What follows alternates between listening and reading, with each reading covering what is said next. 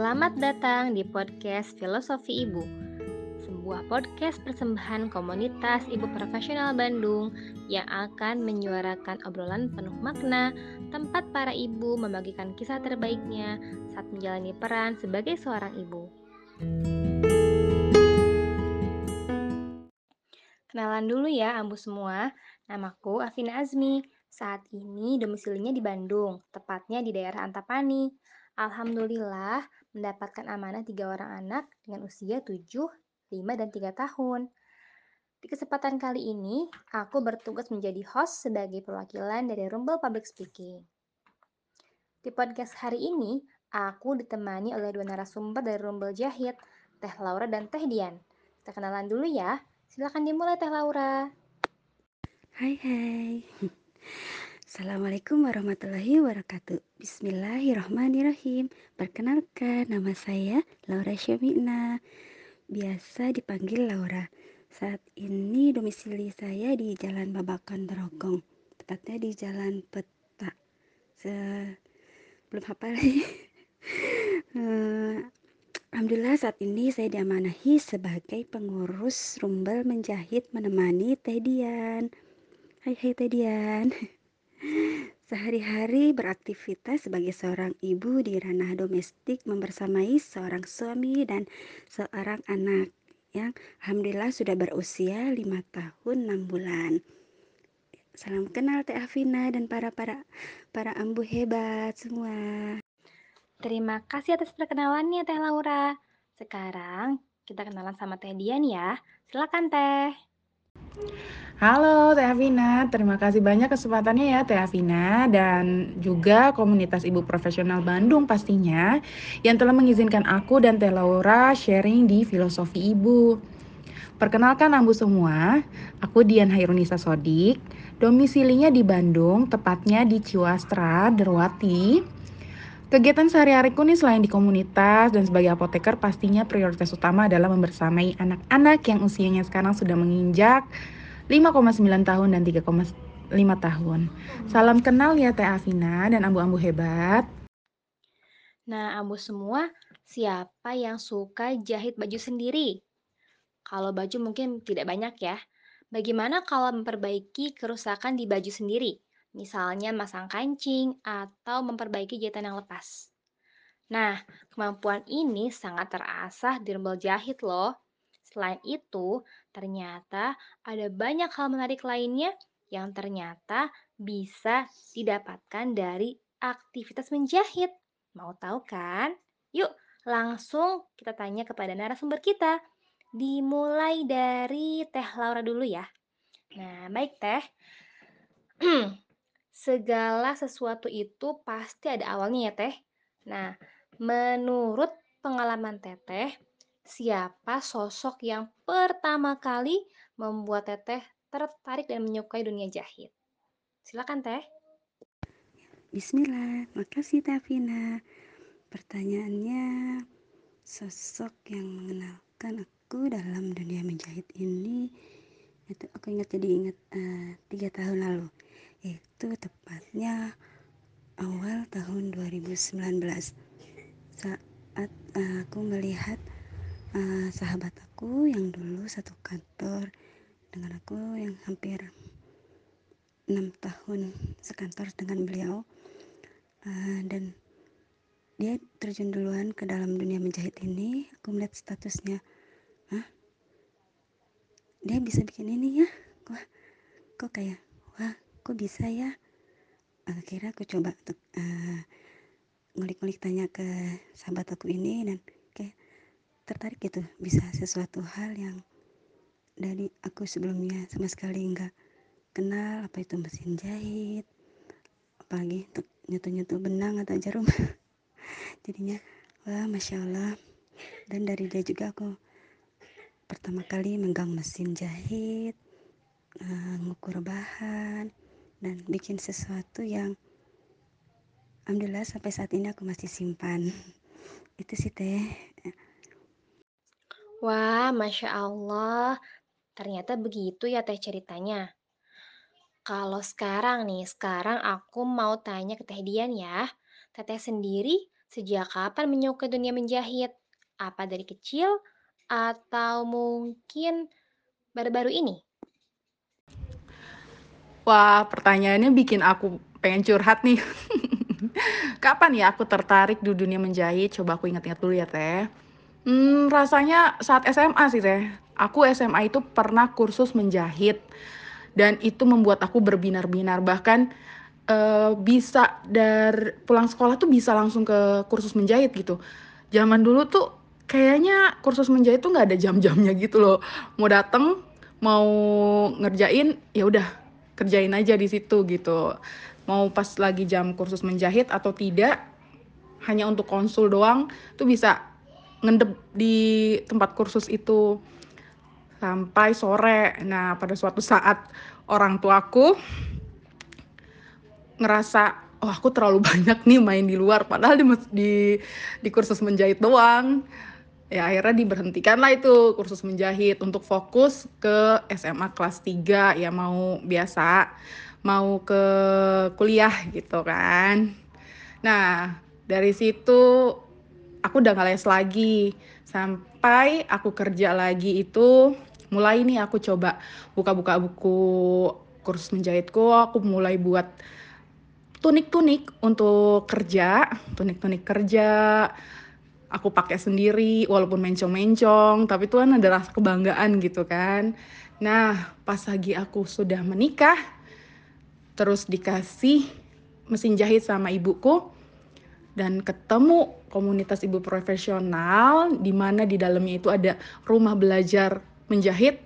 Udah nggak ada bis pikir, aku lah nggak pikir panjang, aku langsung join dari aku masuk ke ibu profesional tuh tahun 2017 gitu. Wah, ternyata memang ya setiap aktivitas itu punya waktu tepatnya masing-masing, waktu yang pasnya masing-masing. Jadi ketika waktunya tiba, maka dia akan bermanfaat yang besar bagi kita semua. Nah, Teh Laura lagi ya, kalau bagi Teh Laura nih, ada nggak sih makna spesial atau makna yang dalam dari kegiatan atau aktivitas menjahit itu sendiri? Silakan Teh. Bismillah, Masya Allah pertanyaannya dalam banget ya Teh Fafina. Jawabannya mesti uh, pakai hati kali ya. hmm, apa makna kegiatan menjahit bagi aku pribadi? Hmm, menjahit itu satu kegiatan yang benar kata Dian tuh berbinar atau aku sih bahagia saat melakukannya aja jadi menjahit itu bahagia dan bermanfaat. Masya Allah. Pokoknya saat kita melakukan jahit itu kayak wah kita kita mau buat sesuatu nih yang spesial istimewa dan insya Allah bermanfaat. Uh, terutama untuk keluarga sendiri ataupun untuk uh, sekitar atau sekitar kita lingkungan kita itu deh karena sesuai dengan uh, uh, apa uh, kota Rumbal menjahit ya, setiap karya setiap karya istimewa. Ya kan Teh Dian?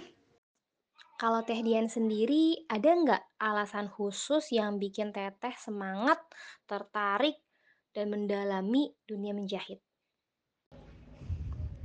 Alasan aku tertarik dalam dunia menjahit ini sebenarnya saat ini aku lebih inget sparkling berbinarnya aku saat dulu kenal dunia menjahit saat kursus waktu itu.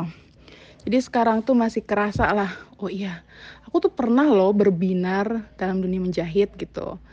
Nah, sebenarnya memang seru sih teh, ngulik-ngulik pola bukan cuma pola baju aja gitu. Misalnya kayak pola pola-pola kita mau buat tempat pensil mau buat cover uh, mesin jahit. Kan kemarin waktu di Rumbel menjahit ada mentoring karya yang aku buat itu DIY cover mesin jahit. Nah di situ kan kita ngulik-ngulik juga tuh pola-polanya yang cocok yang mana terus mix and match kain-kainnya kayak gitu tuh menurut aku sih seru gitu loh nggak tahu nih nih teteh teh Laura gimana tapi terus ditambah ada teman-teman rumbel menjahit yang jadi tempat diskusi buat aku.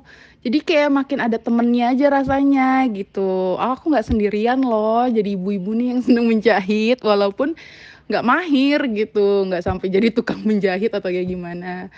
Terus kadang-kadang menjahit itu jadi skill tambahan buat seorang ibu gitu. Kayak baju anak misalnya harus dirombak gitu. Misalnya cuma dikecilin doang bagian bawahnya, panjangnya itu harus dikecilin. Kita tuh nggak perlu ke permak.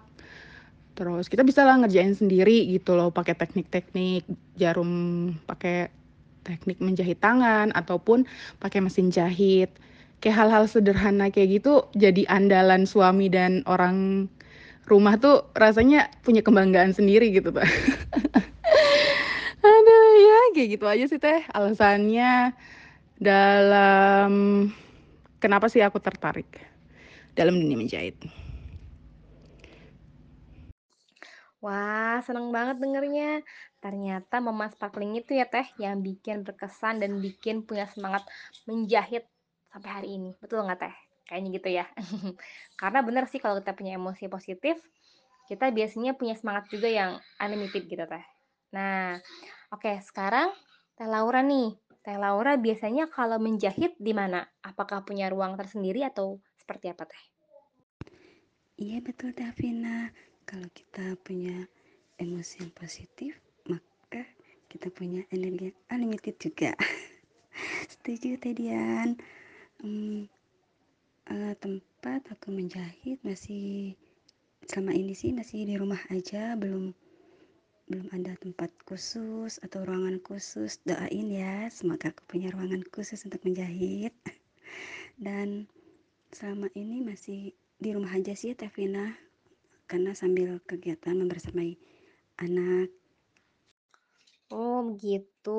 Wah, terima kasih Teteh atas jawabannya. Nah, sekarang terakhir nih pertanyaan buat Teh Dian. Menurut Teh Dian sendiri, bagaimana sih cara menjadikan kegiatan menjahit sebagai ajang produktivitas bagi kita sebagai seorang ibu? Um, sebenarnya ya Teh, semua hal itu bisa membuat kita menjadi produktif, nggak cuma hal menjahit aja.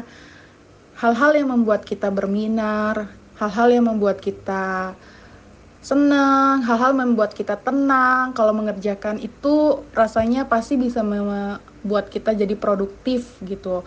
Malah lebih menikmati uh, hasil-hasil produktif tersebut gitu loh, karena hal-hal yang kita cintai gitu. Kalau menurut saya di dalam hal saya ini gimana sih caranya biar tetap produktif saya sebenarnya mencari sih mencari lingkungan yang memang uh, serupa sama saya gitu di sini saya punya teman-teman member umbel menjahit yang saling sharing, saling nguatin, saling nyemangatin. Jadi menurut saya itu sih yang membuat saya lebih produktif gitu. Time flies so fast ya Ambu. Tidak terasa kita sudah tiba di penghujung podcast kali ini. Sebelum ditutup, kita simak dulu ya closing statement dari Teh Laura dan Teh Dian. Silakan Teh.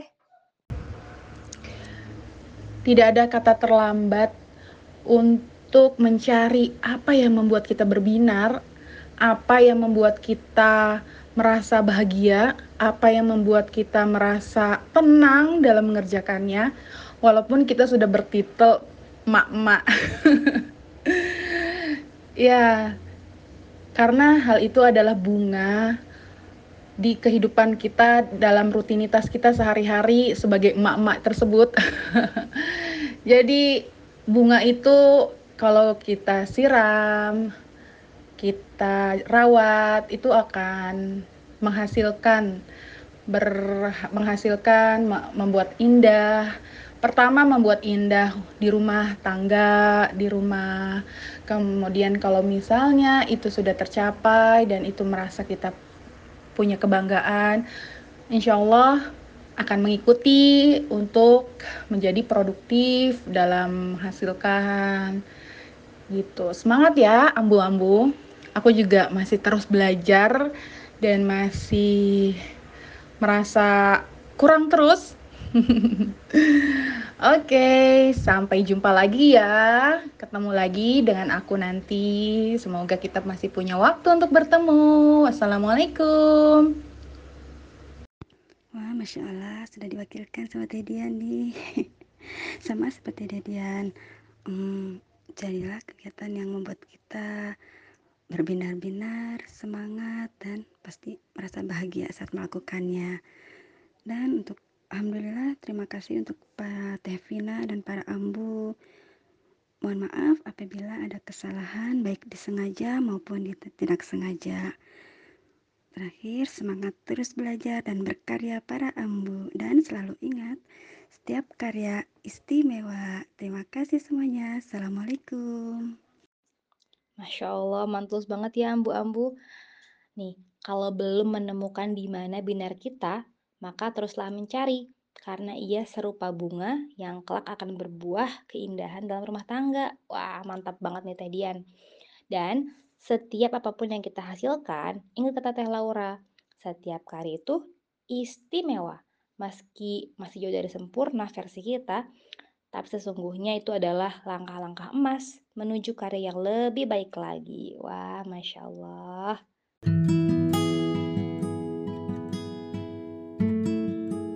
Terima kasih kepada Teh Laura dan Teh Dian yang sudah menemani kita di podcast Filosofi Ibu kali ini. Semoga setiap penyampaiannya menjadi manfaat dan kebaikan bagi kita semua, khususnya dalam menjalankan peran sebagai istri dan ibu. Terima kasih kepada para ambu yang sudah menyimak ya. Dengerin terus podcast Filosofi Ibu eksklusif setiap hari Rabu.